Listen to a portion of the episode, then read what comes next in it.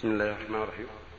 آه، أقدم لسماحتكم هذه الوجيزة مستفتيا عن حكم الإرشاد في المقبرة وذلك أن يقوم شخص من بين الحضور في المقبرة أو في بيت الميت بالإرشاد والدعوة إلى الله وإن كان جائزا فما الدليل على جواز من السنة. أفيدونا جزاكم الله خيرا. الإرشاد مطلوب في جميع الأوقات والنصيحة في جميع ليس لها حد محدود. النصيحة والإرشاد مطلوب في المقابر وفي البيوت وفي المساجد وفي المجتمعات وفي الطائرة وفي السيارة وفي القطار وفي المركبات الفضائية وفي كل مكان. النصيحة مطلوبة في كل وقت. وثبت عن النبي صلى الله عليه وسلم أنه كان ذات يوم في المقبرة عند قبر ينتظرون دفنه دفن الميت. فشرع ينصحهم عليه الصلاة والسلام ويعلمهم ويقول عليه الصلاة والسلام إن الميت إذا حضره أجله نزل إليه الملائكة بيض الوجوه إذا كان مؤمنا بيض الوجوه.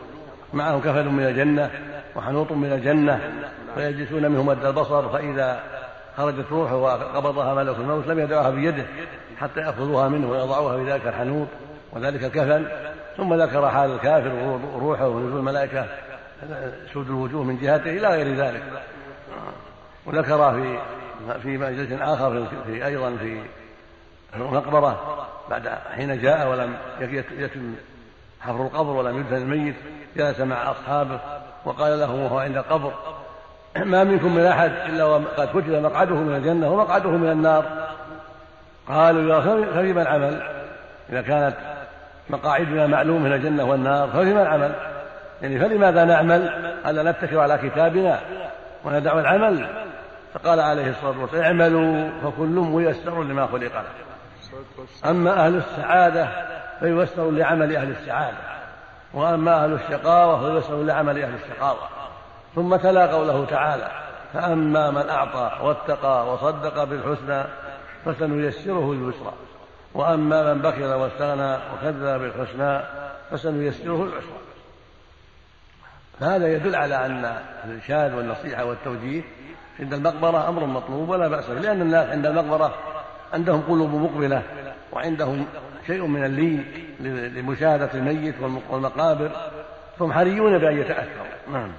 يا شيخ. وهكذا في البيوت إذا عز إذا عز المصابين جاءهم وزارهم وعزاهم يذكرهم ويعظهم ويقول هذه هذه سنة الله في عباده الموت حق.